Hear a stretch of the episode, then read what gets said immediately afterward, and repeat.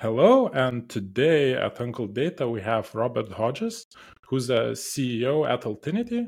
And Altinity is a company who's uh, focusing on ClickHouse. And uh, ClickHouse is an OLAP database.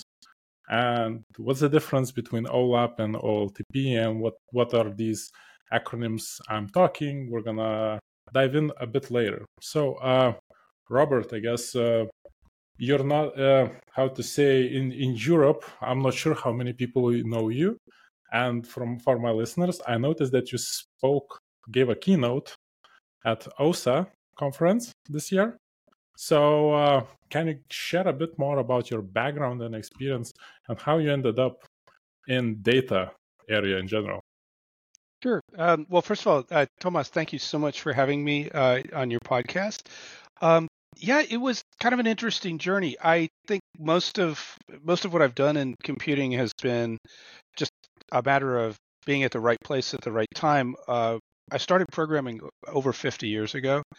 Uh, I was a kid in school, and uh, we had a computer, and uh, you could use it to to program BASIC. So that was the first language I I learned, and um, you know, just because it was there. And in the same way, when I was actually became a professional programmer starting in uh, 1980, about two years in, uh, the place where I was working introduced a database called M204, which was a very popular um, database at the time used by largely by the United States government. And I'd never I had no idea what it was, but I was sort of fascinated by the fact that you could stick data into it, uh, you could get data out, and then if you looked a little bit about how it worked, it had this very uh, um, complex structure that allowed it to retrieve data quickly. It was using uh, using um, inverted indexes, and I the the more I looked into this, the more fascinated I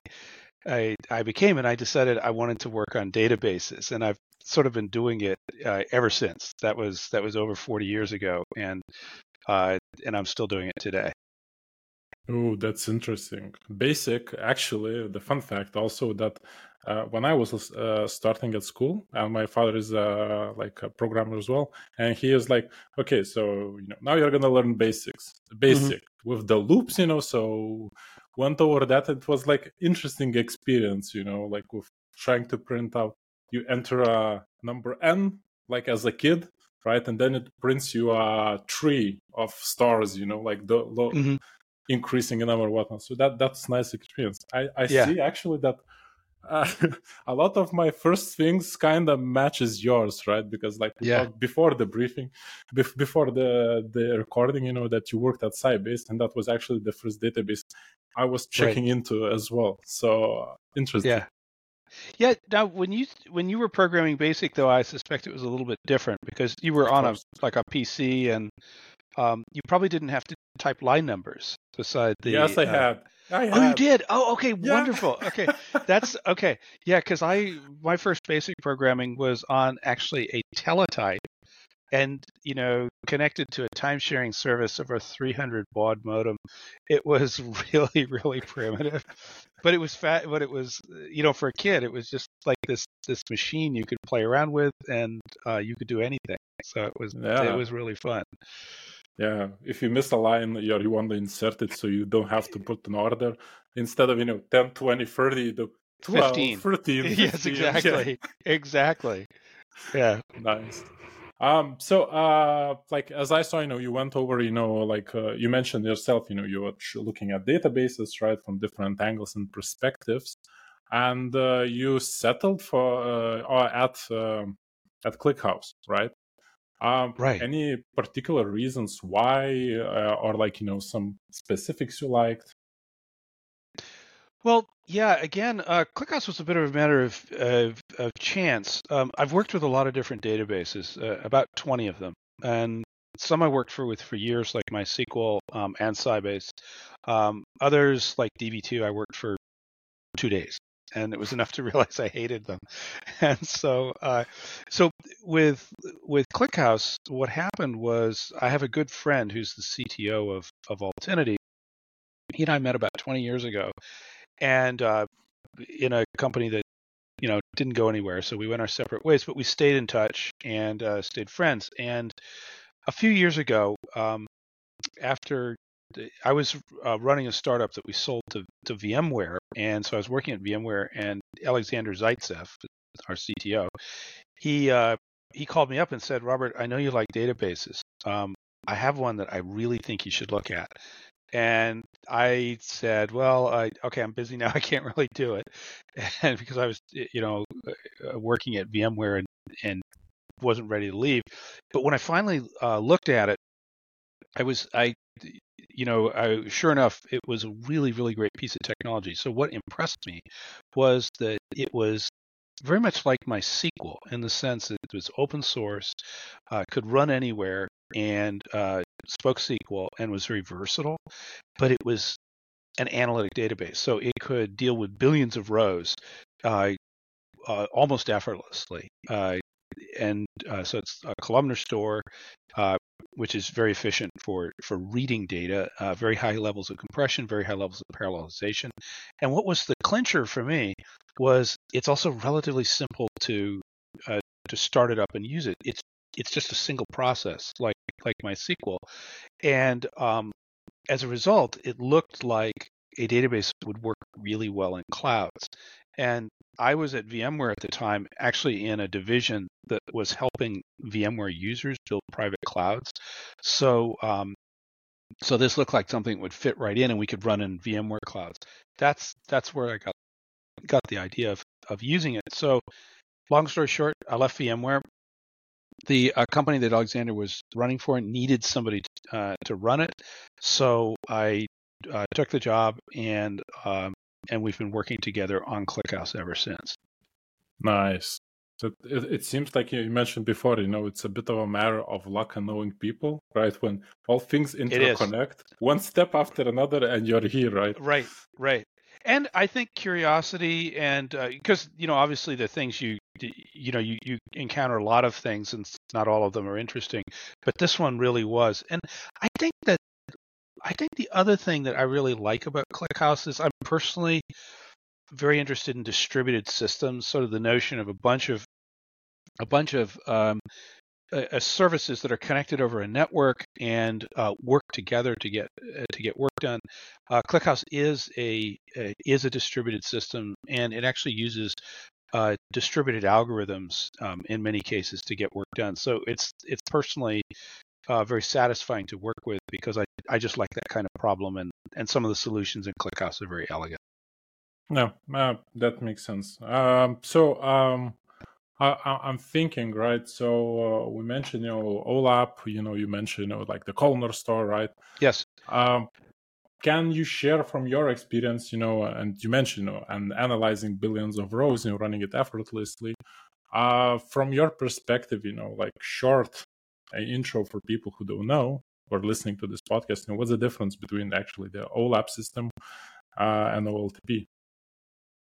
Yeah, a great question. Um, well, first of all, if you just back it up, you, I, there's something that I call the fundamental theorem of data, which is that the location of data is everything. This is the thing that determines what is fast, what is not fast, what can you do efficiently, and what can you, what's not efficient. So, in a nutshell, OLTP databases are that stands for online transaction processing, and the data is arranged in such a way that you can change individual records very, very quickly. And the way to do that is to store them in rows. And uh, so you think about a table, uh, think about that that table perhaps contains sessions for people on a website. So if you want to make a, they do something that changes their session, uh, you know, for, for example, add something in a basket, you want to get into that session, change it really quickly. Moreover, you don't want to uh, to lose the data or or ha- you know have uh, you know sort of have other kinds of accidents that might cause you to lose track of that user.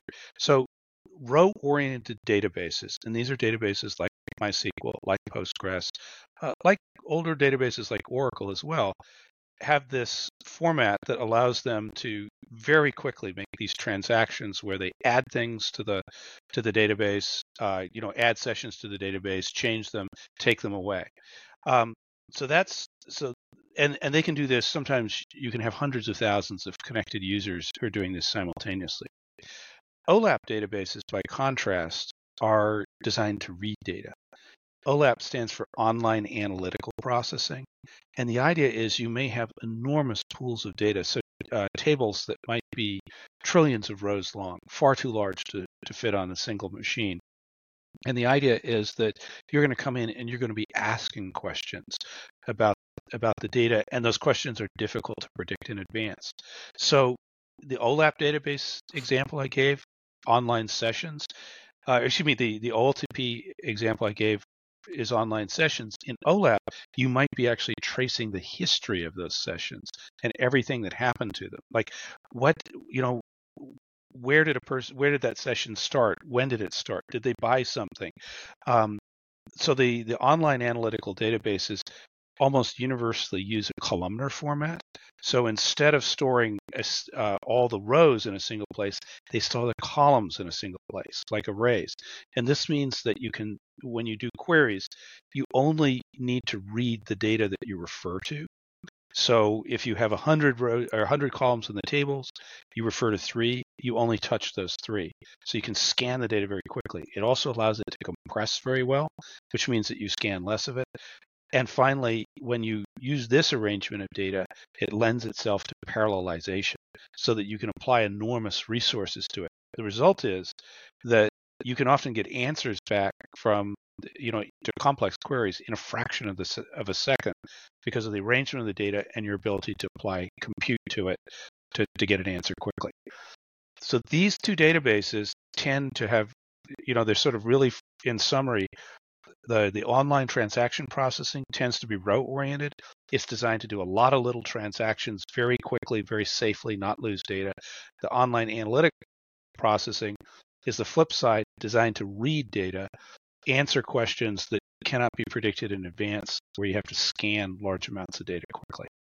Yeah. So I, I, guess the good analogy is like the CSV file for row oriented files, right? Because you have to go row by row and yes. search you know where actually what what what to change and where so you read the row and the key and you right. go column by column where to update right uh, i guess the downside of uh, columnar uh, databases are actually the updates right because mm. you have to do a quite heavier action to Absolutely. figure out everything and then update it yeah and in fact every single person that starts with oltp databases and comes to a uh, an olap database that's arranged in columns probably the first thing they'll do is they'll start to enter the data a row at a time because in MySQL or Postgres, this is really fast. Well, and then, you know, the, the, the database is slow as molasses. Why is that? Well, if you have 100 columns in your table in ClickHouse, you're actually going to be you're going to actually have to write 200 files to to uh, create a single uh, to create a single row that's just really really slow. And so you you you know you learn pretty quickly that okay we need to add rows uh, maybe a million at a time. And and then it's then it's more efficient. So it's yeah there's there's the big differences and it takes a little bit of getting used to.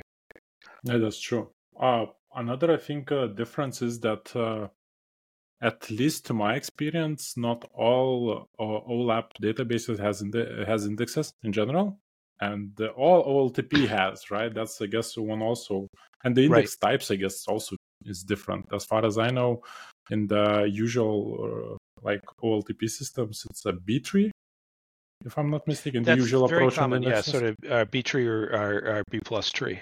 Um, yeah, right. So you're, and and it has something. It, some of it has to do with the evolution, but but very very typically, um, there's two reasons that the OLTP databases have B-tree indexes. Um, one is that they use them to find the individual rows. So B-tree is designed to allow you to read the, the minimum number of blocks from storage before you actually arrive at the row. And this dates back decades to a time when um, storage was both slow and expensive. Um, so that the, the uh, they're you know the, the OLTP databases are optimized to do this efficiently. Uh, the other thing that you do with indexes in OLTP databases is they're actually used to enforce referential integrity. So, for example, when you um, have a unique key on a, a primary key, which is uh, by definition in, in traditional databases a, a, unique value, the index can only have one entry at the end, and it enforces uniqueness. Uh, so that's how the OLTP database can detect that you're, uh, you know, you're trying to put two two rows in this under the same value. So OLAP databases don't use indexes in this way because your idea is your i your the idea is to scan data very quickly. And first off, in many cases, you don't need an index at all because you're you're scanning only a fraction of the data uh, since you're only looking at columns. If they are compressed, it might be a fraction of a fraction. So this can compression levels in some cases can be 99% or more. Moreover, as I as I've mentioned elsewhere, you can parallelize that.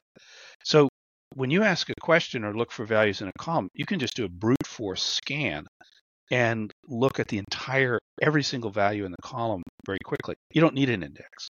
So that's um, so that's already one major difference. Uh, the second thing is if when you do need indexes, we have a couple different varieties. We have what's called a sparse index. Uh, confusingly, it's also called a primary key index in ClickHouse, but it's used to locate values within the table. It's typically very simple. Uh, but unlike the B tree, which has an, an, an, entry for every row in the end, uh, ClickHouse primary key indexes on average have an entry for every 8,000 rows. And the reason that this index is, we call this a sparse index. The reason it works like that is is to keep it small so that it will fit in memory when you have a, a trillion rows in the table. So, mm-hmm. so we have that kind of index, which means we can quickly locate the block that may contain a particular row. We're still going to have to scan, you know, on average about 8,000 values to find what we're looking for. Um, but that's that's a uh, you know like a second way of locating things. And then the final thing is we have what are called skip indexes. So when you're doing scans, the idea is to uh, knock out in advance rows, you know, places to look at so that you don't read as much data. And so skip indexes might say, hey, within a, you know, within this part of the table, uh, tables are divided up into parts. You can only, you're only going to see integer values between 25 and 50. So if the value you're looking for is outside, you don't even need to open up that part. It's simply not going to contain it. So these are, uh, these are, uh, you know, different examples of of the indexing. And again, everything that everything that we're doing in the indexes is designed to make these scans more efficient so that we don't have to we don't have to open up and read blocks unnecessarily. Yeah, makes sense. I guess uh, it's very similar to how like Parquet file reading is done, right? Because you have the metadata Correct. part, yep. and you can read, you know, what to skip, what not. So partition yep. pruning and these kind of things. That's yep. knowledge. It, okay. In fact, uh, the underlying structure of ClickHouse tables is very similar to Parquet, and as it turns out, ClickHouse is very quick at reading Parquet. Um, it, it, the so ClickHouse can read external Parquet files, and the model is very well suited for uh, ClickHouse processing. Hmm. Yeah, if it's architecturally similar, then it's uh, very easy to adjust, I guess, to do the same. Since you mentioned, you know, the traveling part of like data locality, right? And we're talking about you know external tables and these things. So uh, also I checked that uh, ClickHouse is actually storing uh, like even if it distributed, it stores some information on disk on the specific machine. Am I right on this? How does um, the data storage work there? Uh, yeah, actually, could you repeat that question? I think I missed a. a how the how does the storage uh, under the hood works in ClickHouse? Does it oh. store oh. on the machine disks yeah, it, well, actually, it works um, in a couple different ways. So when ClickHouse was originally designed, it used what was called a shared nothing model, which meant that a ClickHouse cluster, um, even a cluster of say one server, but you know, arrange, you know, up to up to hundreds, consists of servers with their own separate storage, and with those servers connected over a network. So when you run a query, you would dispatch the query. You would you would arrive at one server, and you would you know uh, issue your select, you know, through the connection, ClickHouse would break that up into subselects, which would send out to all the other nodes in the system. Those are this is called federated query, mm-hmm. and mm-hmm. uh, each of those uh, nodes, when they get the when they get their piece of the query, they'll run it, uh, perform their computations, for example, averages, histograms, uh, you know, whatever whatever you're looking for, and then they would stream their partial results back to the initiator node, which would do the final, you know, merge the data, sort it, hand it back to the user. Mm. So, hmm. um, in in this particular case, uh, the the tables are are stored just as files on disk, and uh, or SSD as the case may be, and in a structure that that was actually quite easy to understand. You know, if you had a database, that was going to be a, a directory on disk. If you had a table within that database, that was going to be another directory. And then you'd have parts, which are chunks of data in the table. So you could just go in and you could look at it. It was very straightforward to understand. Um, now that architecture is is is versatile and and very effective up to a point. But what happens is as data sets become very large and particularly you don't look at them very often, it's also very useful to be able to store them in object storage. So this is storage that is uh, visible, you know, accessed across a network, is visible to all the nodes, and allows you to do two things. One is it allows you to store data very cheaply because you just put a single copy of the file in in object storage. Um, it can be shared by all the nodes.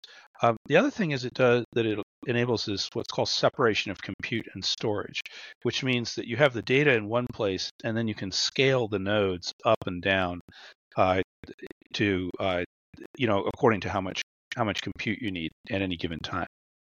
There's, there's actually kind of a middle ground on this, which which we use uh, very heavily, and that's to use the original model where each um, you know each database has you know has its own storage but to put that storage on something like Amazon Elastic Block Store, which means that it's across a network. And as a result, you can dial up or dial down the VM size that you're using to, to process that data. So that also gives you separation of storage and compute. So there's really three models of how ClickHouse can can handle storage, and and they're all used. Um, they're all appropriate for different uh, for, for particular use cases. Hmm, that's nice. I didn't know about that because it's like you have the all flexibility, right? You don't have to push all the data to the nodes, so you don't have to figure like worry about the disks being filled and whatnot. You right. can split things there, what's needed, what's shared, right. put on the EBS, yep. uh, and uh, like scale up machines if needed, or add more information to the EBS. So right. it's uh, yeah. EBS has been a real game changer. Um, I, I, think uh, EBS and, and block storage. I think this is just particularly in cloud systems, and, and we have and EBS is amazingly capable. Um, it it used to be slow, unreliable. Not anymore. It's uh, in effect, it's actually as fast as SSD in many cases. Um, which you know people think, hey, SSD, that's the cat's meow. You always want to have your data there. Well, the answer is not quite, because EBS is also extensible. So uh, the cloud block storage, you know, you have a terabyte of data. You decide that um, you need more, you can just extend the file system, and uh, and this can be done in uh, if you do it properly, it could be done without having to restart the the VM and while other processing is going on. Hmm. Nice. Yeah, because I was thinking, you know, like if you have a predetermined size of your uh, cluster, right? And you mm-hmm. see that you need more data, right? So either you append a new node, right, to your cluster, right. where it can be uh, then all of the data will be split or reshuffled, so it will be balanced yes. across the nodes. Right. Or you could add a bit more disk size to each of the machine and then extend it, but it has limits Correct. because it's uh, it's Correct. virtual machines, right? Yeah, and the most common way that data grows in in ClickHouse data warehouses is people need more. Eh, they need more storage. So, and what's interesting is we have um, users that you know grow from, you know, they might start out small, you know, maybe a terabyte to begin with. Um, before long, if their business are growing, they may find they have 10 or 20 or even 30 terabytes of storage attached to, to each node through EBS, and this can just be smoothly, um, eh, you know, ex- you know by extending the the volume sizes, you can just grow with the the needs of the data set. Yeah, nice. Uh, I guess you know, like offloading to some external places also helps with, like you Yes. you know, the data Yeah. hoarders. Yeah, so actually, what what ClickHouse also does is uh, what's called tiered storage, where you can actually keep you know a fraction of the data on very fast storage, say SSD.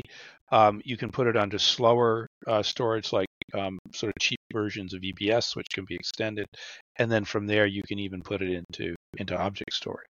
So that's that's called tiered storage and is uh, quite commonly used. Nice. That sounds really uh, like a neat feature, you know, for the people who are like want wants Yeah. that flexibility and not tying them Yep. up uh, for Yep. this. It's it is very ClickHouse is very that's another thing that's a strength of ClickHouse. It's very flexible. Mm, yeah. So I'm thinking. Uh, uh, you mentioned, you know, like data inserting, right? Is if you insert row by row, right? It's uh, heavy and it takes time, right? It's not that efficient. So let's talk about that part and like the all of the you know the management. Like you know, we need real time now, right? So Mhm. h- how does ClickHouse uh, deal with that? Because as you mentioned, right, it has to write 200 columns, it has to write Right. 200 files, right? How Right. does that being handled? Well, the first thing is you you have to help ClickHouse a little bit. So don't write a single row at a time. Write millions. And this is actually not that hard to do because the types of applications that ClickHouse works on are things like security, in- um, event, and incident management, where you have a, you know, for example, a, a multi-tenant system that's reading data from from a large number of data sources and inserting the events that it sees, often at the rate of millions or tens of millions per second. So you have very large volumes of data arriving, and you in, insert them in in blocks of say, you know, like a million rows or more at a single time. So when you do that, uh, ClickHouse can actually write to storage uh, in parallel and um, and and very quickly. So these blocks are loaded into memory. They're uh, they're constructed, sorted, and then um, then they shoot out to uh, to storage. So that's the the first part is to write large blocks and let ClickHouse add many many rows at once. In this case, having a large number of files is less important. ClickHouse also has variants on its uh, storage, which don't require it to to store like necessarily 200 files, but maybe just a few uh, in a format that looks more like Parquet. The Hmm. place where it gets complicated is updating. So, um, and ClickHouse is like many OLTP database, or excuse me, OLAP databases, has made some design choices that are really optimized for data that's not changed very much. And if you think about it, um, this makes sense because again, in a security management system, you're monitoring events, which are just records of uh, you know things that happen, like weblogs, for example, that happened out in the real world. And once you load them, these things don't change very much. What really happens is is that they are loaded into the database. They sit there in their original form until they time out. So you might keep them for say seven days, uh, at, at which point they just you want to uh, delete them automatically. So ClickHouse for that particular case, that's a time ser- an example of time series data with a retention period. ClickHouse has very efficient mechanisms for keeping them for X number of days or weeks or months, and then dropping them automatically. Uh, where it Mhm. gets complicated is if you have, you know, say a trillion rows of data, and you decide, hey, one of these values is is not formatted correctly, or I want to make a change, like, you know, like the organization that this data belongs to has changed, and I need to go to every single row and update it. That's that's a more complicated problem, and and ClickHouse is less efficient on those types of, of changes than it is on inserting and just deleting when things time out. Ah, okay. So uh, my question kind of looks like that.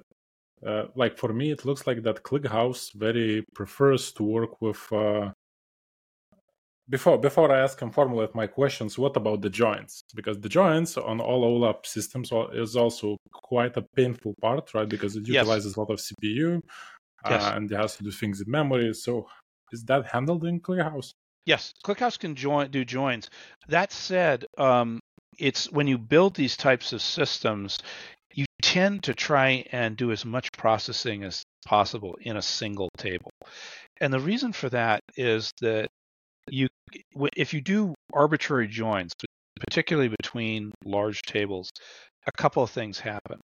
One is the queries are more complex and they may have to scan the data multiple times. Mm-hmm. So there's there's what you know there's a lot of questions that that you may ask that even on even on data that's in a single table, uh, you may have to to scan the table multiple times and join the results uh, uh, from those queries. Those are called self joins.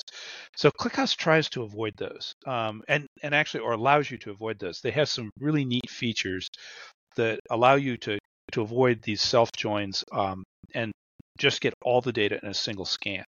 Why is that important? Speed. So if you can get the data you know in the in the applications that we're helping people to build you typically want to have very consistent response time. Like somebody's looking at a dashboard that shows um, you know again using the security model that shows the state of information being uh, being scanned you'd like that dashboard to come, always come back in less than a second. So scanning just doing a single pass through the data or some fraction of it is the way you get that fixed uh, latency so that's uh, the first reason why this this format is preferable. The second thing is if you have joins between very large tables, those tables can't fit on a single machine. And as you begin to join, you often have to do what's called shuffling, where you'll scan the data and then you may actually even have to move it between different machines so that the, the parts of the table that are joined are present on the same machine and could be and those rows could be matched up. Uh, this is is complicated to do. It's also slow.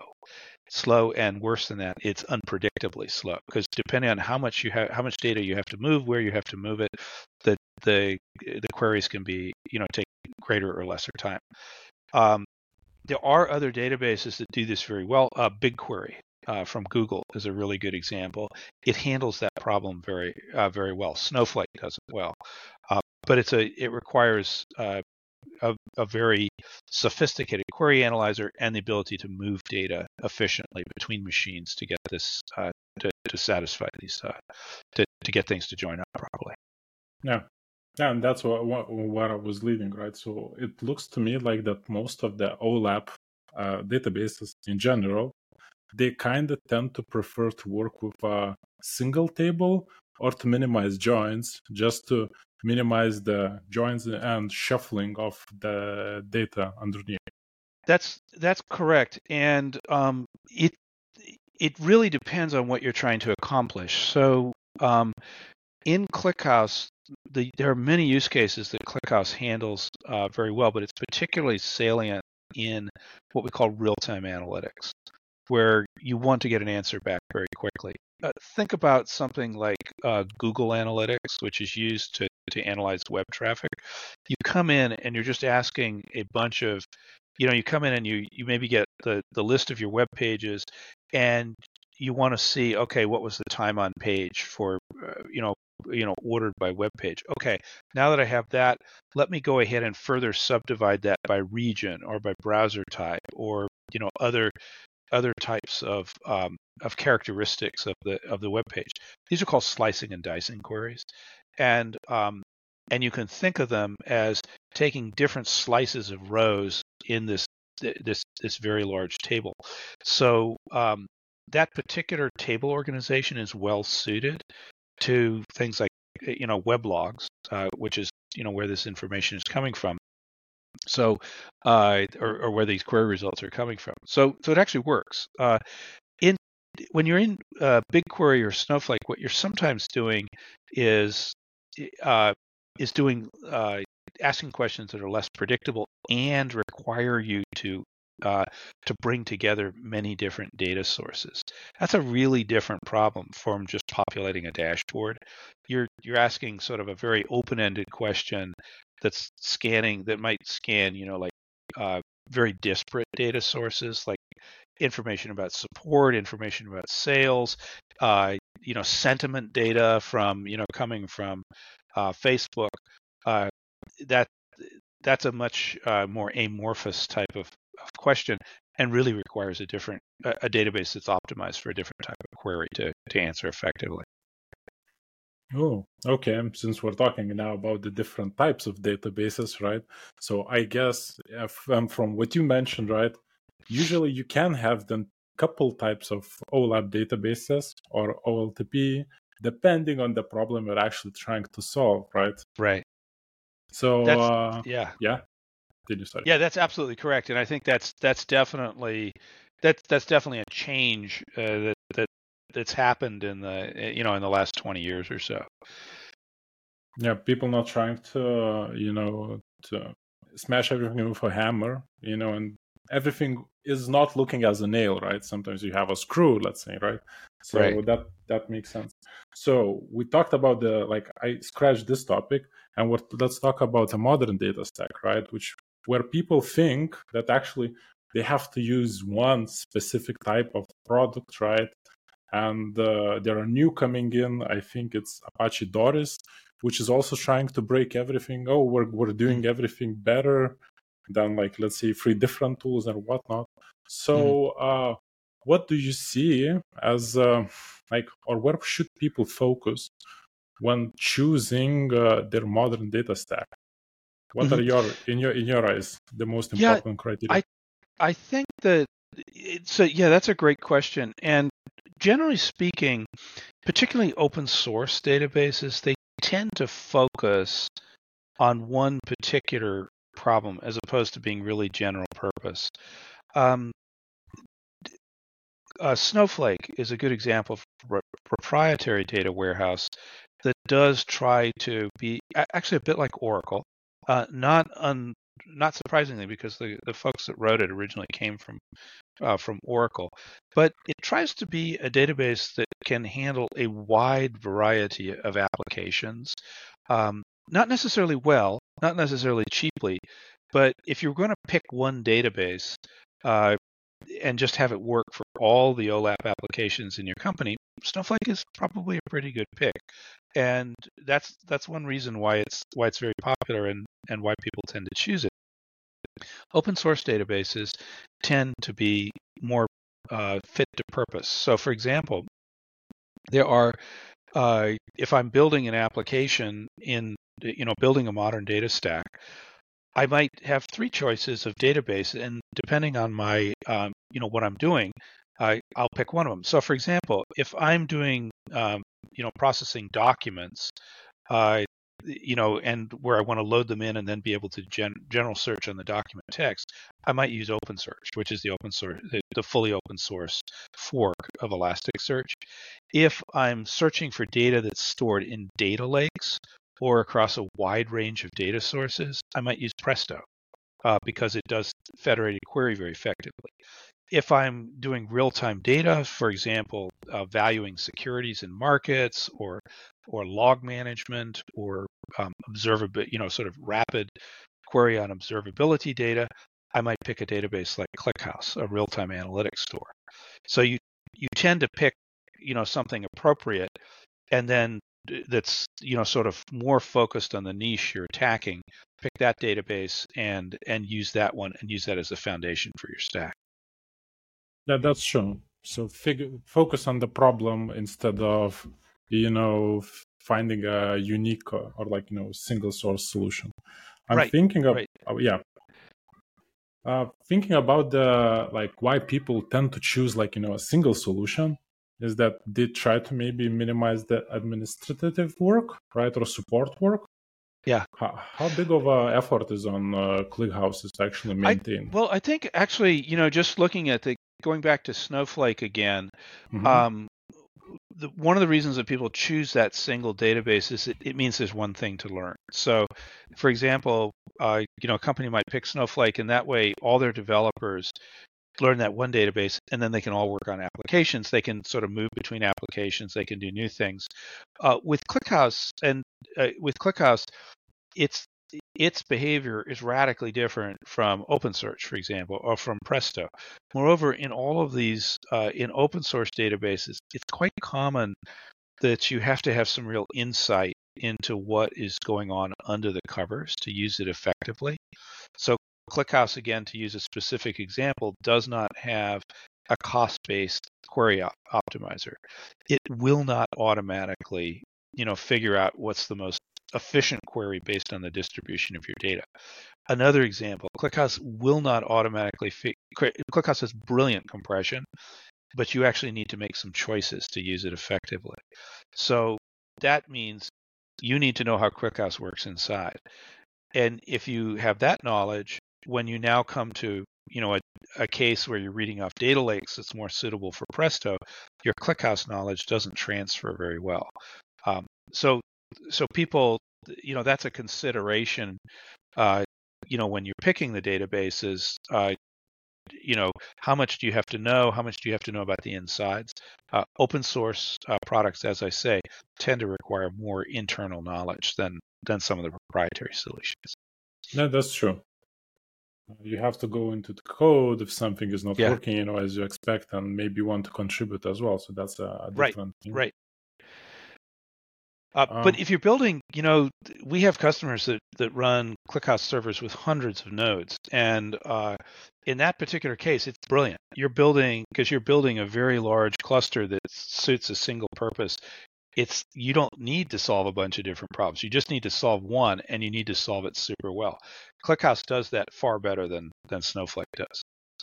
Ah, I'm thinking then, like if you learn things under the hood, right, for specifically ClickHouse, right, or in general for any of the open source uh, tool, I guess that makes you a very uh, niche type of specialist, right? Which where you specialize because a lot of people tend to be generalists, and if you go deep on that niche, right, uh, yeah, it's.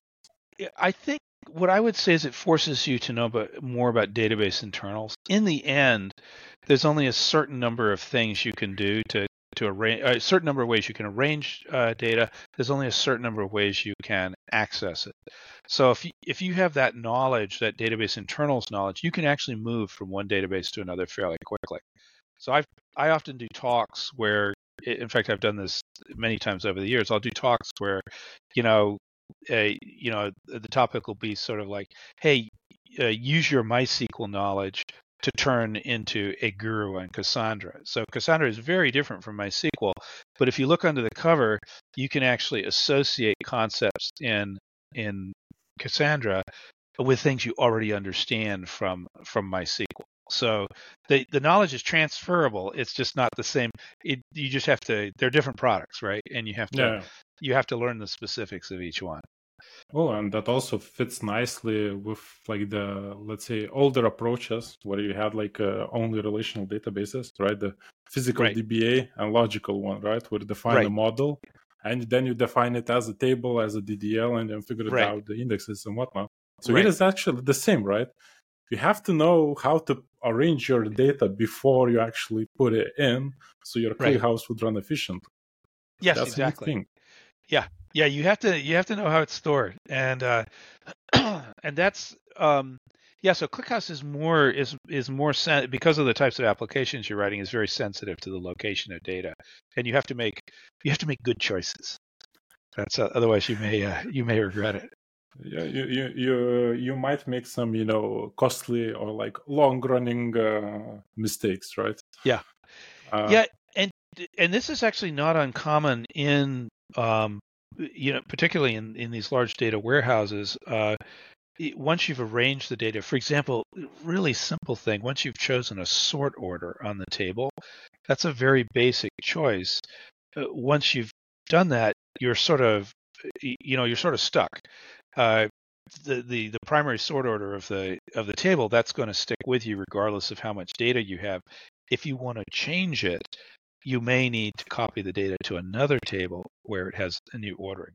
That said, ClickHouse has some ways around that. There's, for example, a feature called projections, where within a single part in the table, so tables again are divided up into parts, uh, you know, to make them possible to manage over over many nodes or, or for very large tables, you can actually have different sort orders uh, within within the part using something called projections which are different ways of arranging the same data. Um, so that the queries, depending on what the question you're asking, you may use you may use the original data or you can use a projection on it. Uh, so projection is actually a like materialized file, right? That's right. It's a it's a different way of materializing the data, and it's a concept which I I don't know if it's older than this, but it it, it I first saw it in Vertica, or or actually there's a, a an academic project that preceded it called CStore, which had this notion, and actually a really brilliant one um, idea. This is a this is Mike Stonebraker, who's sort of the has probably written more different kinds of databases than anybody else on the planet. This was an idea he and his team came up with that was they were trying to solve two, two trying to kill two birds with one stone. They wanted to have high availability, which means you have multiple copies of data. But at the same time, they wanted to be able to have different arrangements of the data so that queries in one case could you know so you could choose the arrangement to use uh, you know for your queries. So they had the bright idea why not have multiple copies but for example allow them to be sorted or arranged or stored uh, in different ways. It's an absolutely brilliant idea. Uh, there was I I was actually in a in the you know Mike Stonebraker came and visited us at, at VMware, and he was just explaining this idea, you know, in a conversation. It was sort of like, oh my god that's such, that is so smart. They uh, it was yes it was it, it was a really and, and that's that's kind of how that's basically how the how the idea of projections uh, arose in in vertica. Nice. So uh, like that's a, such a simple way yeah on a, such a complex problem like insane it turns out it has some problems because Eh, the because in fact, excuse me, um, in fact, it can it can be very difficult to recover. You know, if you did have to recover, eh, you know, sort of go to the other projection to recover the the, uh, the first projection, it turns out it can be very slow, just because the, the arrangement of the data is is different. So it turned out to be not as versatile, I think, as they had originally hoped, but it was still a brilliant idea, and um, and and it's still and and the notion of projections is something that we use inside of ClickHouse. Ah, that's nice. Uh, that's. Like I guess it can be. It has its own use cases, like always, right? Yes. Yeah. It's, it's all. It's always the solution is actually for some problem which people uh, encountered and they wanted to solve, yeah. and this actually solves some some of them. Yes, and it solves it very well. It, uh, it's.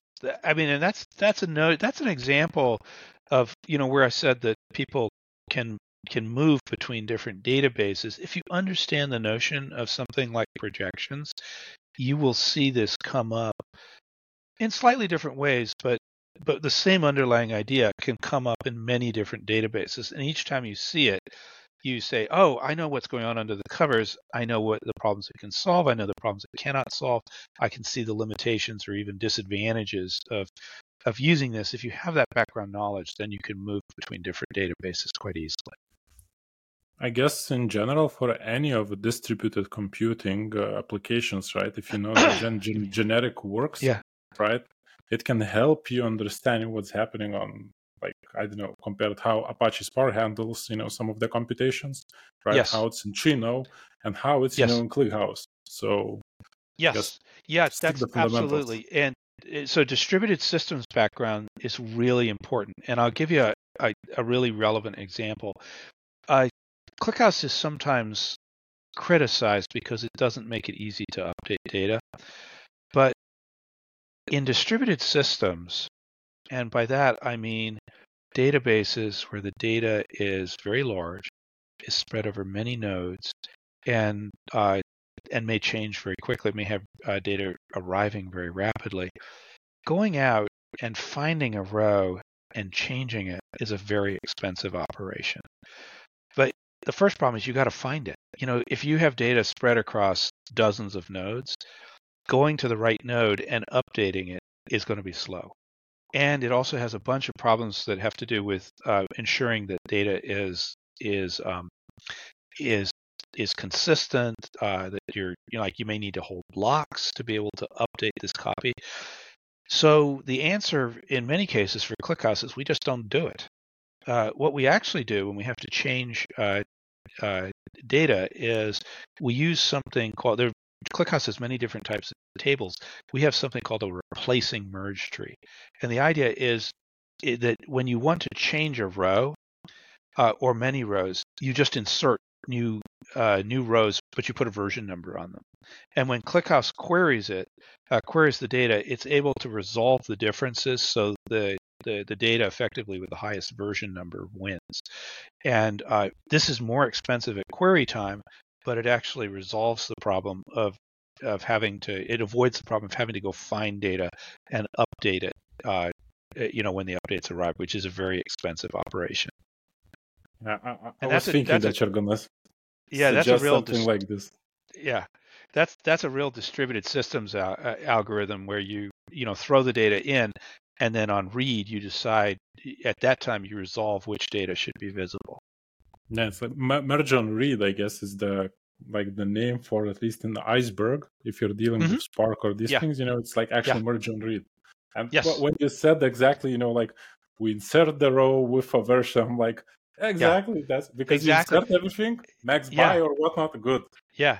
And so if you have that distributed, I, this is what I love about it. This is one of the things that I find kind of addictive about ClickHouse is all these really delightful and, and very clever distributed algorithms are are present there, just as they are in in things like Iceberg or Spark or uh, others. But but they're they're fun algorithms and once you understand them it's kind of enlightening because you you actually do understand the behavior moreover and more importantly, you actually understand how to construct an application that will use these algorithms most effectively and give you data back as quickly as possible.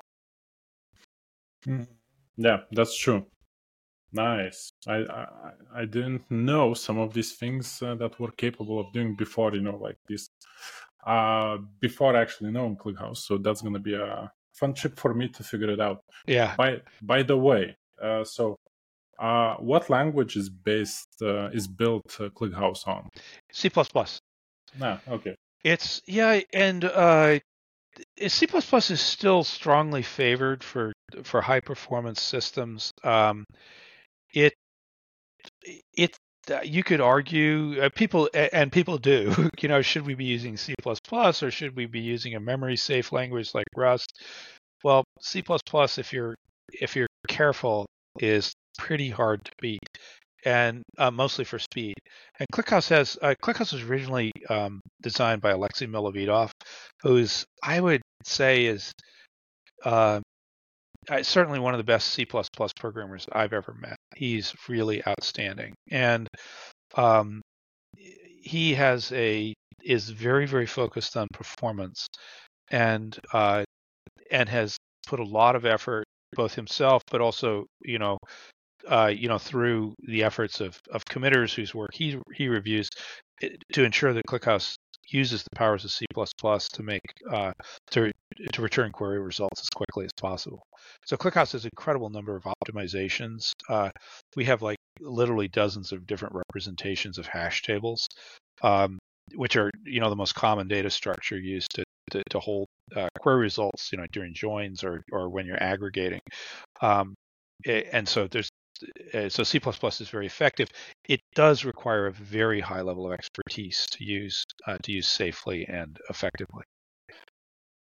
Okay, like for for me, it's like I, I was thinking uh, when you mentioned you know, like uh, Rust and like with all of the hype it's already getting, uh, but I guess the issue in general is about the developers and people knowing efficient C++.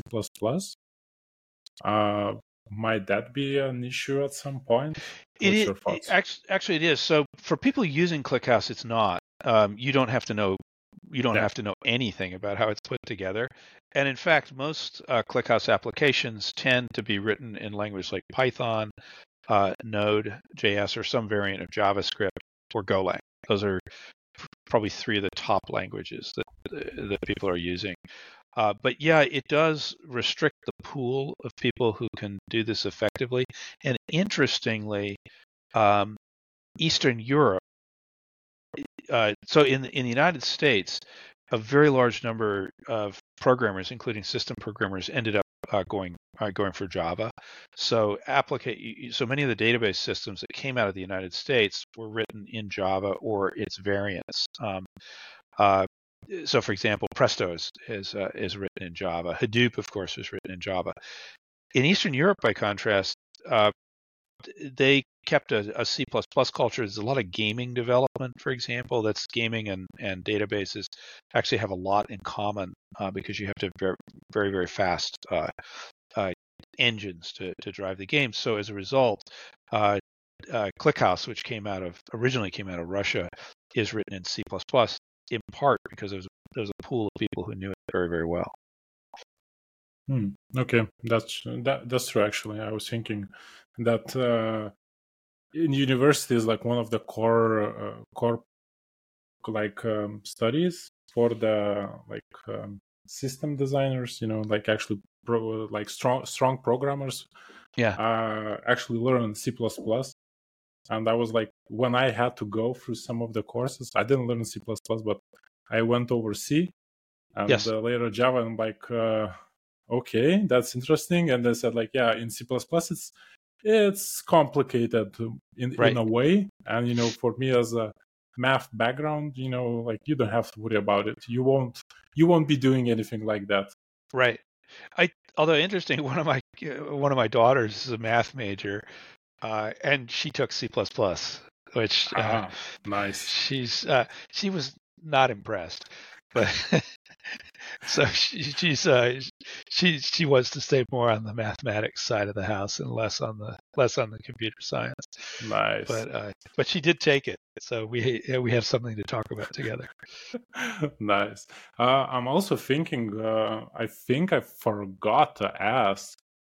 I know that there are connectors specifically for the ClickHouse made. I think there is Apache Kafka one which uh, which is set up as a table in a way, and it allows you, uh, you know, to consume yes, the data. Yes, exactly. So what this is is this this comes uh, brings up a very interesting uh, feature of ClickHouse, which is table engines. So this idea is not new. Um, uh, MySQL, for example, had table engines, and anybody who's used it, I, did you use MySQL? I used, but uh, you know, more of a just check the data or like take it and move it somewhere else you know as more right. of a data engineering perspective right so so mysql is uh, from the beginning had uh, had table engines which are really different ways to organize the tables so there was one called myisam which was the original uh, uh table engine and then it was superseded by the InnoDB table engine um, the ClickHouse, so but MySQL always had a relatively small number of, of table engines, and you wouldn't really switch between them. ClickHouse, by contrast, has dozens. And so the table engines really give you different ways of arranging and accessing data. And one of the so merge tree is the kind of the workhorse engine for large uh, large uh, for big data. It has six variants um, that uh, you know that you can use in different differing circumstances. Um, ClickHouse, or, excuse me, uh, but but there are other very very different uh, table engines. The Kafka table engine is one of the most interesting. What it does is it takes a Kafka topic and wraps it and makes it look like a SQL table. So that instead of seeing, um, for example, JSON blobs, uh, you know, as the, what you might see if you're an application reading off the topic, in fact, what ClickHouse can do is it can, you know, assuming the JSON is is simple, it can actually first of all make it look like columns and you know by automatically converting the JSON to the column representation. Second thing is when you do a select on the Kafka table engine, you're actually reading from the topic. So the data gets pulled from the topic, handed back to you, and then you go stick it somewhere safe. So the, the ah. Kafka table engine does this automatically, and as a result, it's the basis of a, a kind of simple linkage that you can set up where uh, the Kafka table engine wraps the topic. You will then have a target table where you want the table to land, and in between, use a materialized view. So ah, materialized view nice. reads automatically from the input input blocks from uh, from the Kafka table engine, transforms them, and puts them into the target table. So so there's there's like this is how uh, ClickHouse builds automatic integration to uh, uh, to Kafka. Ah, nice. So basically, it uh, it runs a streaming, uh, basically K- KSQL kind of way, right? It's Where you run a like K- SQL on that. Right. That's exactly right. So you're running C. It is it is very KSQL-ish. Uh, so and for people who are listening, that's the language that runs on top of Kafka, and you know that can read blocks as they're as they're coming through. Yeah, that's pretty much the idea. And the Kafka table engine takes care of some housekeeping, like hey, you know, wait for a second or wait till you've got you know X number of thousands of rows before you you know sort of form a block and pass it off to uh, the materialized view. Ah, so it's a combination uh, utilizing also ClickHouse, you know, best approaches, right? Not Yes. write one by one, but I wait for Right. this. For, exactly. uh, Buffer. In fact, that's a really major um, uh, feature of of Kafka is it decouples the the rate of of data input and the size of the blocks on the producer side from the consumer side. So it's one of the most it is the simplest in many ways the conceptually the simplest way that you can have a lot of people generating a lot of data at different times and in different amounts, but then you can read them into ClickHouse in very large blocks. Yeah, you don't have to take care of the underlying infrastructure for that, Right. right? Wrap Right. it in SQL. Right. Uh, everything is a everything is SQL now. That's that's true for better or worse. SQL is the language that people use to to uh, uh, to process data. Better in the sense that it's a common language that that that's used almost universally in data management. For worse, uh, because the syntax was invented back in the 70s, and those were dark times for computer language syntax. And I think the the for me exhibit number one is if you if you're familiar with SQL window functions, the the syntax on them is about the most non-intuitive that you could possibly invent. I always have to go look up. I when I have to do window functions in which uh, window functions for people who don't know them allow you to um, to, to aggregate data and then do additional computation on top of it, like doing a, a running sum, for example, like the sum of values for the last seven days, uh, for you know for every uh, row of results you get. Um, window functions do handle that, but at some intellectual cost to the programmer. Yeah, it's like for, for me, it's always you know, uh, okay, function over. Why we have over Exactly, yes, And then yeah. the should I put partition first or should I put order first? I'm like, Yes, I- I'll try this. Run. No, it failed. Okay, so other way around. that's that's pretty much how I do it. I it's uh, I realize I'm I, you know I hope this is a safe place, but yeah, I have a confession that that's that's exactly how it goes with me. I I suppose if I use them more, it's a bit like Perl reg- regular expressions. Uh, you know, once you get them into your noggin, they seem very natural, but uh, but if uh, but uh, but until that time, you're you're going to be consulting examples to get it to work right. Uh, re- uh, regular expressions. Uh, it's uh, I guess a different beast. You know, you have a cat I- walk over your keyboard, and you have a regex. Yeah, actually, though, uh, regular expressions, to be fair, are really easy to understand. Uh, you know, because the idea is the con- the concept behind them is is quite clear. And in fact, I'm. It sounded like I'm dissing Perl, but I'm not. They. St- I still think they are.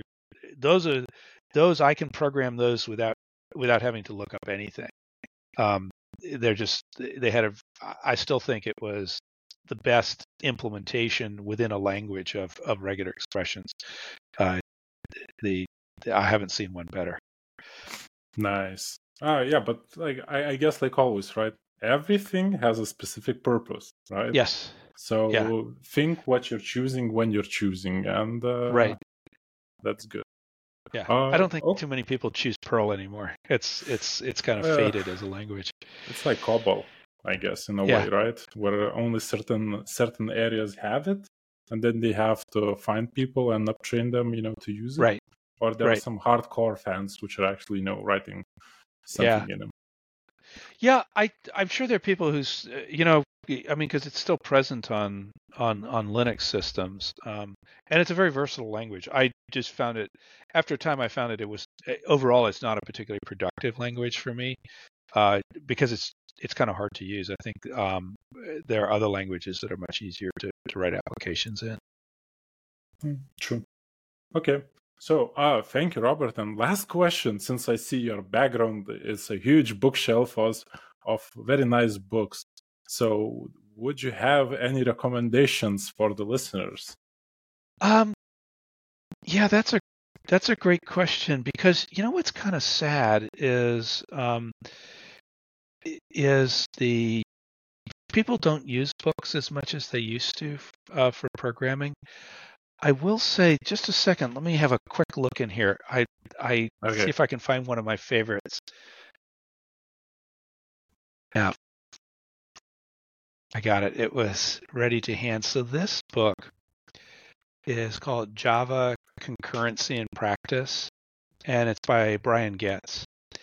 This isn't a very current book. I think it's probably now easily 15 years old, but it described how to use uh, how to use concurrency, that the concurrency features of Java, for example, threads, thread pools, um, you know, locks, all that kind of stuff. And the reason I like this book is it was the first, it, it has a really great introduction to the Java memory model, which is like in in Java when you acquire a monitor, you know, when you do a wait on a on a Java object, when you read it, it means the contents are synchronized so that you know whoever wrote it last, whoever held the lock last and and put data in, when you get that lock, you're guaranteed to see the same data that they wrote. Now, that doesn't seem very profound, except that it works even when that data was, even when the process that wrote it was running on like a different CPU, different cores, had different, uh, saw a different view of system memory. Uh, this is all uh, this is all handled automatically. And so, for example, there's a concept in in uh, CPUs called memory barriers, where you synchronize memory contents between threads. By understanding the Java memory model, it was completely enlightening because it was the first time I understood this concept, like what's actually going on in the CPUs. I love this book. I read it in a train. I was going to a conference, and uh, and I was taking the TGV, which is the the French high speed train, over the Alps. So it was really beautiful. I was sitting in the train reading this book and becoming enlightened. You know, the Alps are sort of going by the window, and I was becoming enlightened on on how memory works in modern CPUs. That's a book I still I still refer back to. Uh, you know, when I have to to think about this. So there there are many great ones. Uh, I think some of the older ones. Uh, you know, there's obviously the art of computer programming. Uh, uh, you know, there are things like uh, Jim Gray transaction processing. That's an older book written in the early 90s, but again, one that I read many, many times and is still relevant today. So there's a lot of really good stuff out there. Um, and nice, I've just collected nice. them over the years. All of them are read, right? Uh, yeah, sure. every single page. no, Arctic uh, Knuth, I really only, I, I, really only open Knuth in two in two cases. One, I'm completely stuck. I just have no idea to think about something, so I go look and see if Knuth has something good to say. Or if I'm doing something that's so stupid simple that it can't possibly be done wrong, I sometimes also look at Knuth as well because it turns out that something like linear search, which you'd think, okay, how hard could that be? Well, it turns out there's some really interesting, you know, depending on, you know, like your constraints, linear search is actually uh, there's more to it than you think. And if you go read the the description in Knuth, I think there's 15 or 20 pages on that where you become enlightened about just how, how you know how to do it right and and how to make sure you're not missing something. Nice. Nice. So, uh, yeah, thank you for uh, for your time. It was uh, very, uh, very smoothly, and I'm super excited to excited to have picked your brain about you know yeah. ClickHouse capabilities and you know uh, how it works under the hood and uh, these things, and as well you know for the book recommendation. So yes. Uh, yeah, enjoy. so I'm sure Brian Goetz would appreciate the the the recommendation. Thank you again, Thomas. It's been wonderful being on your show. Yeah, thank you, and uh, have a nice uh, Friday. It's same to you.